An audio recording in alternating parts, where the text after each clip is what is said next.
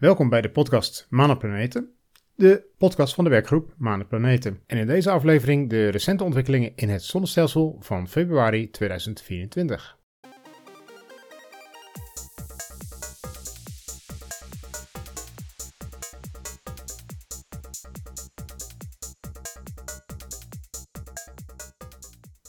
Oké, we gaan weer kijken wat er zich afgespeeld heeft in ons zonnestelsel in de afgelopen maand. En ik moet zeggen, er zitten een paar leuke nieuwtjes tussen. Dus laten we maar gelijk beginnen. Aan de binnenkant van het zonnestelsel, Mercurius slaan we over. Daar heb ik niet echt nieuws van. Door naar Venus. Nou, allereerst goed nieuws. De Europese ruimtevaartorganisatie ESA heeft de Envision-missie goedgekeurd om die, verder te ontwikkelen. Envision is een orbiter die in 2031 gelanceerd moet gaan worden en die krijgt onder andere een radarinstrument mee, waarbij niet alleen dwars door de atmosfeer van Venus gekeken kan worden, maar ook onder het oppervlak naar vulkanen, ehm, dus naar magmakamers. En hij heeft ook een infrarood instrument waar bepaalde pluimen kunnen gevolgd worden met de samenstellingen daarvan. Dus vulkanisme is de name of the game bij deze missie. Tegelijkertijd met deze missie werd er ook een andere missie, een astronomische missie, goedgekeurd de LISA-missie. Dat is een zwaartekrachtgolfdetector. Nou, zwaartekrachtgolven detecteren, dat doen we al sinds 2015 met LIGO en Virgo. Dit zijn instrumenten die, hele, uh, die met laser kijken naar kleine veranderingen in de interferentiepatronen.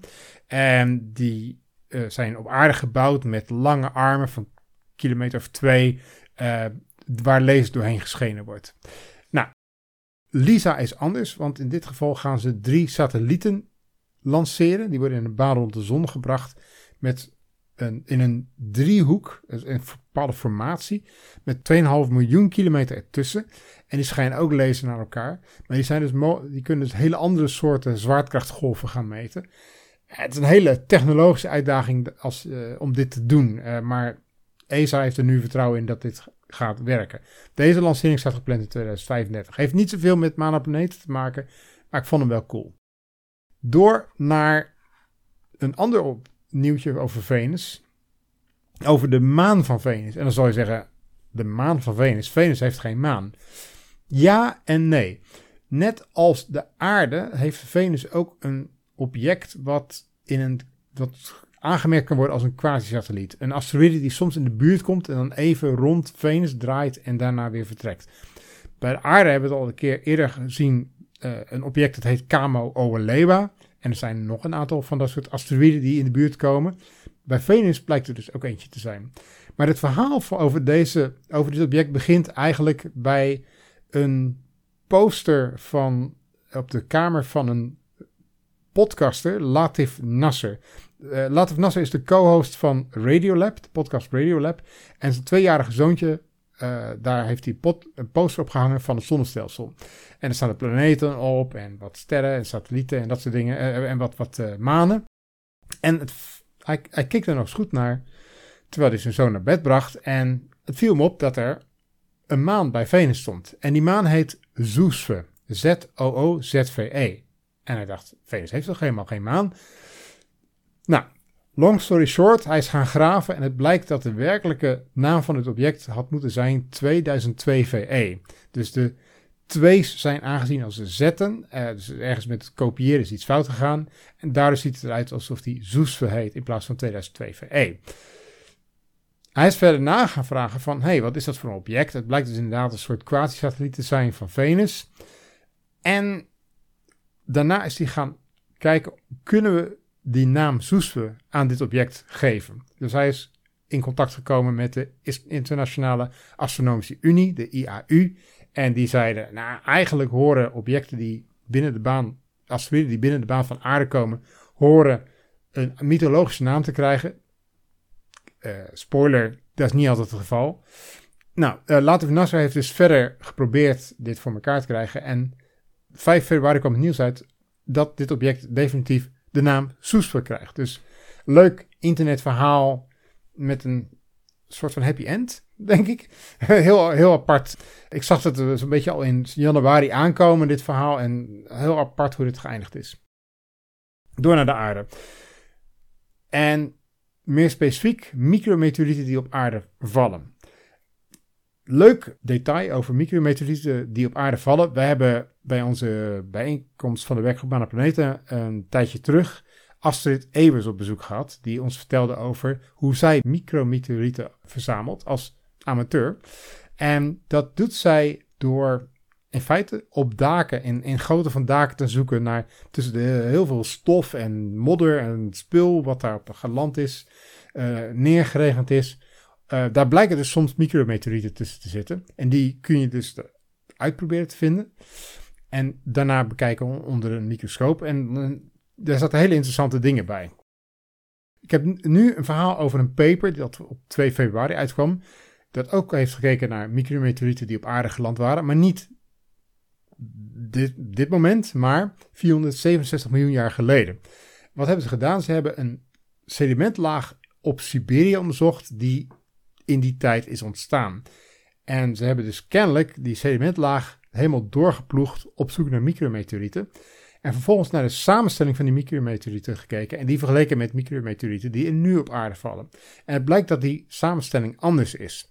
Er is kennelijk in die tijd een, zijn er bepaalde andere botsingen van andere soort asteroïden geweest. Waardoor dat ander soort gruis onze kant uitkwam. Maar er is iets anders geweest. Ze hebben bijvoorbeeld bepaalde type agondrieten, zoals die heten. Die kwamen drie keer vaker voor toen dan dat ze nu voorkomen. Dus iets in ons zonnestelsel aan geruis dat onze kant uitkwam, is anders van samenstelling geworden. Hoe dat precies zit, ja, dat zal nog verder onderzocht moeten worden. Door naar de maan. En bij de maan hebben we in ieder geval weer een, weer een zachte maanlanding gezien. Van uh, dit keer een Japanse lander, de Slimlander. En daarmee is Japan het vijfde land ter wereld dat een zachte landing op de maan heeft volbracht. Of eigenlijk de Japanse ruimtevaartorganisatie JAXA heeft dat voor elkaar gekregen. Nou, deze slim maanlander is um, apart, beetje apart, want van heel veel maanlanders ben je gewend dat ze een landingsgestel hebben met een soort sprieten van poten. Maar deze heeft dat niet. Deze maanlander landt met, uh, door, met twee motoren die hem afremmen. En dan moet hij een klein beetje kantelen. En op die zijkant waar hij op moet landen, daar zitten een aantal bollen, een soort crushable bollen. En, en daar moest hij dan terechtkomen. Nou, die landing werd uitgevoerd op 20 januari. En aanvankelijk eh, was, waren ze blij dat het succes was, maar al snel was er iets was duidelijk dat er iets mis was met deze lander. De zonnepanelen gaven namelijk geen energie. En waarom was dat? Wel, dat was de meest waarschijnlijke oorzaak was op dat moment, oh, er valt geen zonlicht op. En wat is de reden daarvan? Nou, daar kwamen we dus een paar dagen later achter. Want hij was niet netjes op de zijkant terechtgekomen, maar op zijn neus. En daardoor waren die zonnepanelen niet goed georiënteerd voor het zonlicht. Maar niet getreurd. Uh, het team van Slim zei: als we iets langer wachten, dan komt de zon verder hoger aan de hemel en dan valt er alsnog zonlicht op de zonnepanelen en zo geschieden. Dus inmiddels hebben ze allerlei onderzoek kunnen doen, allerlei wetenschappelijk onderzoek met deze landen. En dus niet alleen heeft hij technologisch een doel volbracht, maar ook wetenschappelijk. Uh, er waren ook nog twee kleine robotjes die vlak voor de landing uitgeworpen werden. Die onder andere ook hebben laten zien op de foto dat die lander op zijn neus was terechtgekomen. En ook wel interessant om te vermelden is, zijn doel was dus om een precisielanding uit te voeren. De landing moest plaatsvinden op de kraterrand van de Shaoli-krater. En die Shaoli-krater is een kleine krater in de grotere Cyrillus-krater. En die krater zit weer in de Mare Nectaris, de zee van nectar, op de maan. En hij moest dus binnen een 100 meter van zijn doelwit terechtkomen en, en dat is dus gelukt. Maar er is een twist. Bij die landing is niet voor niks, waarom is hij op zijn neus terechtgekomen? Vergat ik nog te vermelden. Hij is op zijn neus terechtgekomen dat er iets misgegaan is bij de landing. Die twee motoren, een van die twee motoren verloor vlak voor de landing de uitlaat. En daardoor werkte die, een van die twee raketmotoren niet goed meer. En daardoor is hij uit balans geraakt en daardoor kwam hij op zijn neus terecht. En als dat niet het geval was geweest, dan hadden ze zelfs enkele meters van het doelwit kunnen landen. Dus zo hadden ze nog veel preciezer kunnen landen. Nou, is het een beetje het punt met die raketmotoren van, van deze lander. Japan heeft al vaker gebruik gemaakt van deze raketmotoren. En er zijn allerlei missies zijn problemen geweest met deze motoren. En er is dan nog een toekomstige missie naar de Marsmanen Phobos en Deimos uh, gepland over twee jaar. Waar ook weer dit soort raketmotoren op zitten. Dus daar moeten we nog maar eens heel goed naar kijken. Want daar gaat al wel heel veel mee mis. Uh, ze hebben zelfs op de foto's gewoon kunnen zien dat een van die uitlaten gewoon op de grond ligt. Terwijl uh, de, dat ding verder aan het landen is. Maar dus ondanks een fout van de, een van de twee raketmotoren en uit balans raken, heeft hij toch nog uh, op slechts 50 meter van zijn doelwit kunnen landen. En dat is toch wel een hele prestatie. En ze hebben de wetenschappelijke resultaten eruit kunnen halen die ze wilden. En inmiddels alweer, is weer een volgende maanlander op weg. Dit keer gaat het over een lander van Intuitive Machines, die gelanceerd werd op 15 februari op een Falcon 9 raket. En dit, deze missie heet IM-1. De lander heet Odysseus. En hij moet al op 22 februari op de maan terechtkomen. Dus dat behoorlijk snel.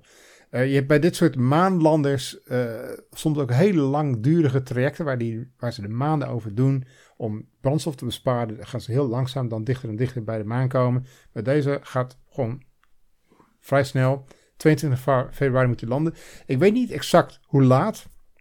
Zodra ik daar meer over heb, probeer er nog wat over te delen op onder andere ons Facebook kanaal. Uh, misschien dat we het live kunnen zien ergens. Ik denk het waarschijnlijk wel.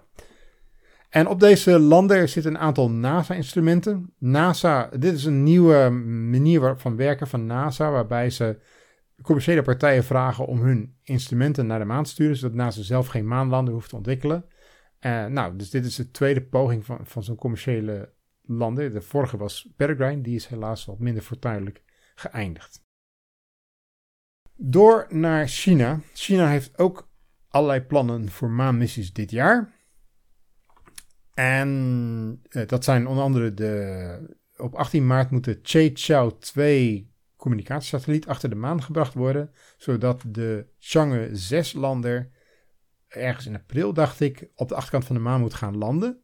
Monsters verzamelen daar en die monsters moeten teruggebracht worden naar aarde.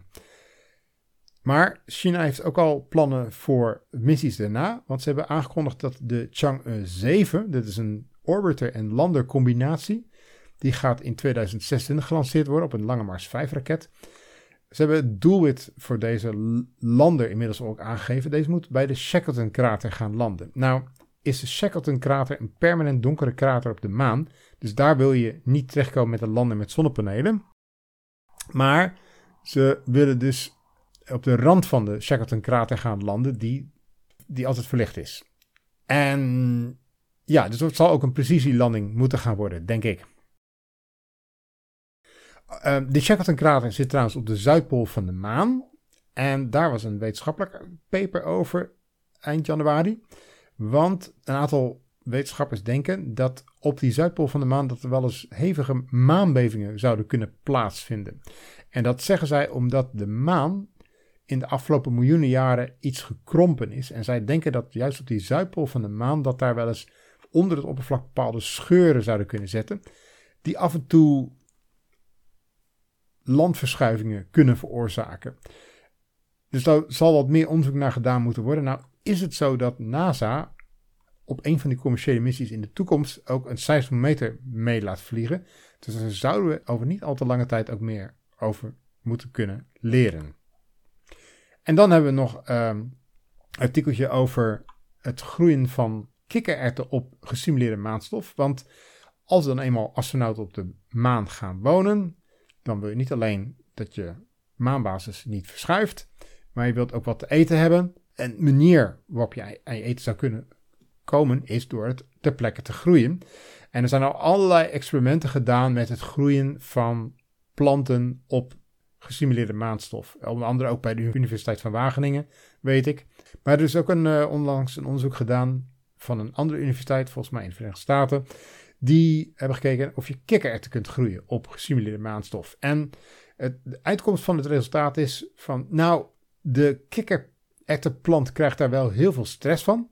Maar het is in principe wel mogelijk om kikkererwten te groeien. Dus voor degene die op een maanbasis gaat wonen in de toekomst en van humus houdt, die hoef je dan niet uh, van aarde te halen. Of in ieder geval niet de kikkererwten daarvoor. Door naar Mars. En ja, bij Mars is wel een klein beetje nieuws. Ja, best wel nieuws in mineur. Onder andere is de Ingenuity-missie ten einde. Dat is een Mars-helikopter die met de Perseverance rover op Mars landde. En heeft bij zijn 72e vlucht schade opgelopen aan de rotorbladen. En dat was dermate ernstig dat NASA besloot om hem niet meer te laten vliegen. Nou, dat is natuurlijk jammer. Uh, het moet wel gezegd worden dat dit was een testmissie die, waarvan NASA hoopt dat hij vijf keer zou vliegen. Uh, ze hebben nu 72 vluchten ermee gemaakt. Dus dat is al behoorlijk. Er is behoorlijk meer uitgehaald dan waarop ze gerekend hadden. De uh, helikopter heeft ook de koude winter op Mars overleefd. Dus dat is ook nog een ding dat niet gegarandeerd is. Diverse rovers, niet alle rovers overleven die winter op Mars. Ja, en waarom is er dan schade op die rotorbladen gekomen? Waarschijnlijk is iets, heeft hij iets bij de landing geraakt. En die rotorbladen moet je rekenen. Die atmosfeer van Mars is zo ijl dat die rotorbladen heel hard moeten ronddraaien. Iets van 2500 keer per minuut. En dus als je dan iets raakt, dan is schade natuurlijk wel ja, goed mogelijk. Dan, dan kan schade al behoorlijk flink zijn. Dus helaas, deze Mars-helikopter zal niet meer vliegen. Maar er zijn, deze missie heeft, alle, heeft allerlei toekomstige drones uh, geïnspireerd. Uh, onder andere voor Mars Sample Return hadden ze het idee om twee van dit soort helikopters mee te sturen. Dus de Mars-helikopters zijn nog niet uh, gevlogen, wat dat betreft. Dan over de Perseverance rover die Ingenuity op, op Mars bracht. Uh, daar is ook een probleempje mee. Want nou, de Perseverance rover is monsters aan het verzamelen die later over enkele jaren naar aarde gebracht kunnen worden. En die boort hij aan, maar voordat hij aanboort wordt uh, met instrumenten naar gekeken welke monsters zijn interessant. En daarvoor heeft de Perseverance rover op zijn robotarm uh, twee instrumenten een ervan heet Sherlock. En Sherlock is uh, tegen stof beschermd door een stofkapje dat af en toe opengemaakt moet worden voordat hij uh, zijn, metingen kan doen. Wel, recent ging dat stofkapje niet meer open. En daarna hebben ze een paar dagen later nog wat nieuwe commando's geprobeerd en toen is hij een klein beetje open gegaan. Uh, maar dat ziet er dus niet zo goed uit voor het, voor het Sherlock-instrument. Nou hebben ze dus niet alleen Sherlock uh, Sherlock is niet het enige instrument wat ze hebben om interessante monsters te vinden, maar het zou wel een gemis zijn als die niet meer zou werken. Ik weet niet precies wat ze hiermee van plan zijn. Uh, misschien dat ze dat klap, klepje een beetje open kunnen duwen door hem tegen een steen aan te duwen. Ik weet niet wat, of dat een goed plan is, maar uh, NASA bij Jet Propulsion Laboratory zijn ze er ongetwijfeld nog over nadenken wat de volgende strategie wordt. Over het Jet Propulsion Laboratory gesproken, ja, dat was best wel treurig nieuws in februari. Want uh, door allerlei politieke strubbelingen, uh, die, waarbij Republikeinen en Democraten niet eens kunnen worden over budgetten van overheidsinstanties, konden ze het ook niet eens worden over de budgetten van NASA, waar onder andere het Jet Propulsion Laboratory in zit. En het Jet Propulsion Laboratory voelde zich genoodzaakt hierdoor om 530 mensen te ontslaan. En dat is een groot, grote hap uit het personeelsbestand. Maar liefst 8% van de, van de medewerkers is die ermee op straat komen te staan. En ja, een groot deel daarvan zit ook in de hoek van het Mars Sample Return project, want dat lijkt dus op deze manier voorlopig geen budget te krijgen. Ja, en andere een organisatie die veel zich bezighoudt met uh, ja, een beetje ook het lobbywerk voor de planetaire wetenschap, de Planetary Society. Die noemde het in een podcast laatst een soort van self-inflicted wound, een zelf toegebrachte wond die de politiek uh, zichzelf heeft toegebracht. En ja, dus ik weet ook dat de Planetary Society is met allerlei day of, bijvoorbeeld met hun day of action bezig om allerlei burgers te vragen om me, uh, leden van hun, van hun uh, society om mee te doen om de politiek ja, bewust te maken van dat zij wel willen dat er geld gaat naar planetaire wetenschap. Dus wie weet kunnen zij nog wat voor elkaar krijgen. Maar dit is even een serieus tegenslag. Dan nog wat wetenschappelijk nieuws over Mars. Uh, er is een uh, specifiek onderzoek gedaan naar een meer op Mars dat lang, lang, lang, lang geleden uitgedroogd is. Dat heet het Eridania-bassin. Uh, een groot meer dat bestond vlak na het ontstaan van Mars. En je vindt dat bassin op het zuidelijk halfrond van Mars. En een wetenschappelijk team heeft gekeken naar sporen van vulkanisme. En ze hebben gevonden dat er op, in dit bassin, in het vroege bestaan van Mars, maar liefst 63 vulkanen zijn geweest in deze, dit gebied. Dus de uitbarstingen, eh, er moeten heel veel uitbarstingen in het begin zijn geweest op Mars. Wat zij zeggen is, dit lijkt er wel op dat uh, een dergelijke situatie ook op aarde uh, aan de gang geweest zou kunnen zijn voordat we platentectoniek he hebben gehad op aarde. Dus dit, uh, wat ze noemen, is een pre-plate tectonic process geweest mogelijk. Waarbij ja, dus allerlei materiaal van diep van binnen naar boven kwam en, en, en weer bekleed werd aan de bovenkant. Dus verrassend veel meer vulkanisme voor Mars in het begin van zijn bestaan dus. Door naar de asteroïden. En ja, ik vertelde in een vorige aflevering al dat de Osiris-Rex-missie moeite had om de monster-container, genaamd TechSam, open te krijgen. Omdat er twee schroeven vast zaten. En vorige keer kon ik volgens mij al vermelden dat die inmiddels die schroeven los zijn gemaakt. Nu is die monster-container eindelijk open. En uh, ze hebben nu ook kunnen wegen hoeveel monsters hebben ze daarin verzameld. En de totaal opbrengst daarin is 51 gram. En dat is wel grappig, want het doel om monsters naar aarde te brengen van de asteroïde Bennu was 60 gram. Maar het meeste van het monstermateriaal van Osiris Rex lag buiten de sample container. Want ze hebben daar al 70 gram van gevonden. Dus we hebben bij elkaar 121 gram aan monsters van Bennu. Ruim twee keer zo hoog als het doel. Dus hartstikke goed. Wat hebben ze inmiddels daarmee gevonden? Want dat monsters, de monsters die ze buiten de sample container hebben verzameld. Daar is al het nodig onderzoek naar gedaan. Want het viel op dat een aantal van die steentjes bekleed was met een lichte, een, een broze lichte laag. En ze hebben dus kunnen vinden dat dat bestaat uit fosfaat. En dat is heel gek, want dat zien we dus heel weinig bij asteroïden. Dus wat kan, daar, wat kan dat zijn? En toen las ik in een artikel van space.com dat uh, mensen van het Osiris-Rex team kennelijk hadden gezegd dat het lijkt te wijzen op dat dit, monster, dit monsters zijn van een vroegere oceaanwereld. Uh, daar heb ik best wel veel vragen bij. Uh, wat bedoel je met een oceaanwereld? Bedoel je dat gewoon de asteroïde uh, onderdeel van een groter object is geweest wat vloeibaar water heeft gehad? Want dat is niet zo gek, want dat zagen we bij, de asteroïde Ryugu ook al. Die, dat is, die heeft uit ijs bestaan, dichter bij, is dichter bij, zon, bij de zon gekomen, is opgewarmd en dat gesteente heeft een tijd in water, vloeibaar water gestaan. Is dat het geval? Of bedoelen ze iets anders? Daar ben ik nog niet helemaal achter, maar ik hou dit nou in de gaten. Door naar Jupiter. En daar hebben we de Juno-missie die nog steeds rondvliegt rond in een baan rond Jupiter. En in december kwam Juno langs de vulkaanmaan Io op slechts 1500 kilometer. En op 3 februari deed hij dat nog een keer. Nog eens een keer op 1500 kilometer afstand. En op Juno zit een camera die door het publiek uh, gebruikt kan worden. En Juno, Junocam heet die. En op de beelden van Junocam was al te zien dat tijdens die passage in, in februari... dat er pluimen van uitbarstende vulkanen te zien waren. Er waren twee pluimen gezien op foto's van Juno. Dus, en dat zijn alleen maar de foto's er zijn ook allerlei andere instrumenten gebruikt om IO goed te onderzoeken. Dus wie weet halen we daar nog interessante resultaten uit. Door naar Saturnus. En bij Saturnus was het nieuws dat we weer een nieuwe maan hebben. Weer een wereld in ons zonstelsel met een oceaan onder, onder het oppervlak. Het gaat deze keer over een kleine maan genaamd Mimas. Mimas is 400 kilometer in doorsnede.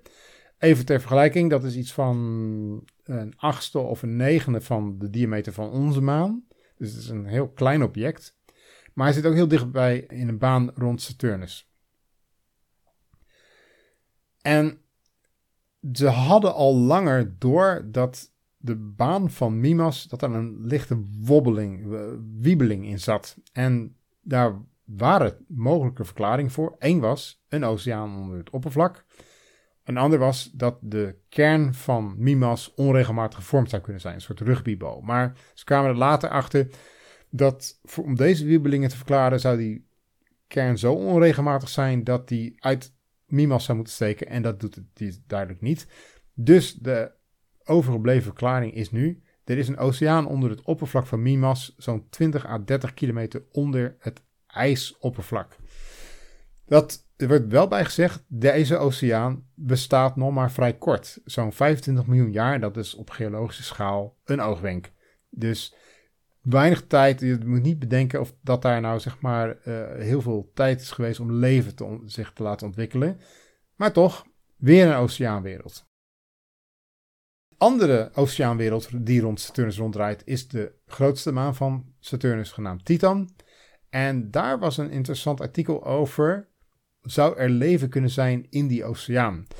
En ik las ook het commentaar van een van de schrijvers van deze wetenschappelijk, wetenschappelijke paper. Die zei: Ja, we zijn toch niet helemaal goed begrepen. We hebben gekeken en we dachten eigenlijk bij ons onderzoek. Op het oppervlak van Titan zit heel veel organisch materiaal. Zou dat, zeg maar, die diepere oceaan kunnen bereiken? En wij hadden eigenlijk gedacht van niet. Maar we kwamen erachter dat het toch wel wat materiaal in die oceaan kan komen. Meer dan we dachten, zeg maar. Maar ook niet heel veel. Maar hij zegt, ja, in de uitkomst van heel veel uh, wetenschappelijke sites is van, ah, er kan geen leven zijn in de oceaan van, van Titan. Hij zegt, dat is niet waar, maar er komt wel wat organisch materiaal dus dieper in die maan terecht. Uh, maar niet te veel, dus niet genoeg, zeg maar, te verwachten dat er walvissen rondspringen in de oceaan of iets dergelijks. Dus, curb your enthusiasm, zeg maar. En er zijn nog twee objecten met een mogelijke oceaan onder het oppervlak, want we lijken er steeds meer te vinden. En we hebben het nu over twee objecten in de Kuipergordel, genaamd Makemake en Eris. Deze twee Kuipergordel-objecten zijn bekeken door de James Webb Space Telescope. Nou, dat is super gaaf. Ze hadden al eerder gevonden dat er op het oppervlak van deze twee objecten methaan zat. En ik wist niet dat het mogelijk was, maar ze met de James Webb Space Telescope kunnen kijken naar de moleculen, uh, de methaanmoleculen, en specifiek naar de verhouding tussen waterstof in die moleculen en deuterium. Deuterium is een zwaardere variant van waterstof. En vooral na de Big Bang was daar veel meer van. De theorie is dus dat als dat methaan ontstaan is aan het begin van het ontstaan van het zonnestelsel, of toen nog allemaal materiaal was wat nog vrij nieuw was van de Big Bang, zou er veel meer deuterium in uh, dat methaan moeten zitten. Ze hebben gekeken met de James Webb Space Telescope en het blijkt de verhouding deuterium tot waterstof is veel lager dan ze gedacht hadden. Dus deze, deze objecten zijn niet direct na het ontstaan van het zonnestelsel volkomen bevroren geweest, maar er is iets aan de binnenkant gebeurd. Er is geothermische activiteit gaande geweest, waardoor methaan uit, van binnenuit naar boven heeft kunnen komen. En, en dat niet alleen, ze denken dus dat er dus ook bronnen zouden kunnen zijn van vloeibaar water onder het oppervlak van deze objecten. Er wordt ook nog ergens in het artikel gezegd dat misschien wel de moeite waard is om ook deze een van deze objecten van dichterbij te bekijken met een missie. Nou, graag zou ik zeggen. Ik ben heel benieuwd wat we gaan tegenkomen als we maken maken of Eris van dichtbij bekijken. Uh, maar voorlopig zijn er nog geen missies gepland. Dan gaan we nog even naar de exoplaneten. Er is altijd allerlei exoplaneten nieuws. Er was weer een exoplaneet van een aantal keer de aarde in de, de leefbare zonne rond de ster gevonden. Uh, maar ik focus me nu even op één ander artikeltje over de zogenaamde radius gap. Dat is een, als je kijkt naar de alle exoplaneten die we tot nu toe hebben gevonden, dan heb je, uh, zie je dus dat er uh, heel veel planeten zijn gevonden inmiddels met ter grootte van één keer de diameter van de aarde, anderhalf keer van de diameter van de aarde. Maar als je dan nog iets verder kijkt naar twee keer de diameter van de aarde, dan zit er opeens een, een, een, een put in uh, in die aantallen exoplaneten. En dan ga je weer wat verder naar nog grotere exoplaneten, dan vind je er weer meer. Dan vind je bijvoorbeeld uh, van exoplaneten van 2,5 keer de diameter van de aarde. Daar is dan weer een piek. En de vraag is, waarom zit er zo'n raar, rare put tussen superaardes en subneptunussen, zoals ze heten? En er zijn allerlei, al allerlei mogelijke theorieën uh, rondgegaan over wat er aan de hand zou kunnen zijn. En een nieuw paper zegt, ja, eigenlijk zeggen ze, realiseer je wel, als je kijkt naar, dit, naar de diameters van dit soort planeten, dat we niet het onderscheid kunnen maken met de huidige, technologie tussen het deel van de diameter dat de rotsachtige planeet is en het deel van de diameter dat de atmosfeer is. Dus er kan van alles aan de hand zijn met die atmosfeer, uh, waarom die put op die twee keer de omvang van de aarde zit. Dus uh, bijvoorbeeld sommige planeten zijn te licht uh, en daarvan is de atmosfeer weggeblazen en daardoor zitten ze aan de ene kant van de, van de put. En sommige zijn te groot, maar die komen dichter bij een ster en daar is de atmosfeer opgeblazen door, door, door de meer hitte. En zijn ze juist weer heel erg groot. er zijn allerlei redenen en het lijkt erop, zeggen ze eigenlijk, dat, er, dat die, die omvang van twee keer de omvang van de aarde een soort onstabiele regio is in de planeetvorming en, en atmosfeervorming, denk ik dan. Dus ja, ook dit is weer onderzoek waarvan ik zeg, wordt vervolgd. Interessant om verder te kijken wat ze hiervan gaan vinden. Naarmate we ook meer exoplaneten vinden, want daar gaan nog meer exoplaneten gevonden worden. Er zijn ook nieuwe missies gepland in de toekomst. Dus de statistiek, de aantallen exoplaneten zullen alleen maar toenemen. Dus wie weet. Oké, nou, dan nog even een kleine vooruitblik. Waar kunnen we naar uitkijken in de komende maand? Wel, allereerst de landing op de maan van de missie van Intuitive Machines op 22 februari. Nogmaals, ik weet niet exact hoe laat. Uh, je moet altijd afvragen in welke tijdzone hebben ze over. Sommige artikelen hebben het ook over 21 februari. Uh, als ik meer weet, hoop ik dat te delen op onder andere Facebook. Uh, een andere lancering naar de maan is uh, de Chao 2 missie van, van China op 18 maart. Niet helemaal zeker of ik dan al mijn volgende podcastaflevering af heb. Maar die houden we dus ook nog even in de gaten. En ja, dat is alles wat ik heb voor nu. En ik ga weer een maandje nieuws opsparen. Ik zou zeggen, in ieder geval tot de volgende keer met onze waarneemgids. Dat is weer rond het begin van de maand. En bedankt voor het luisteren en tot de volgende keer.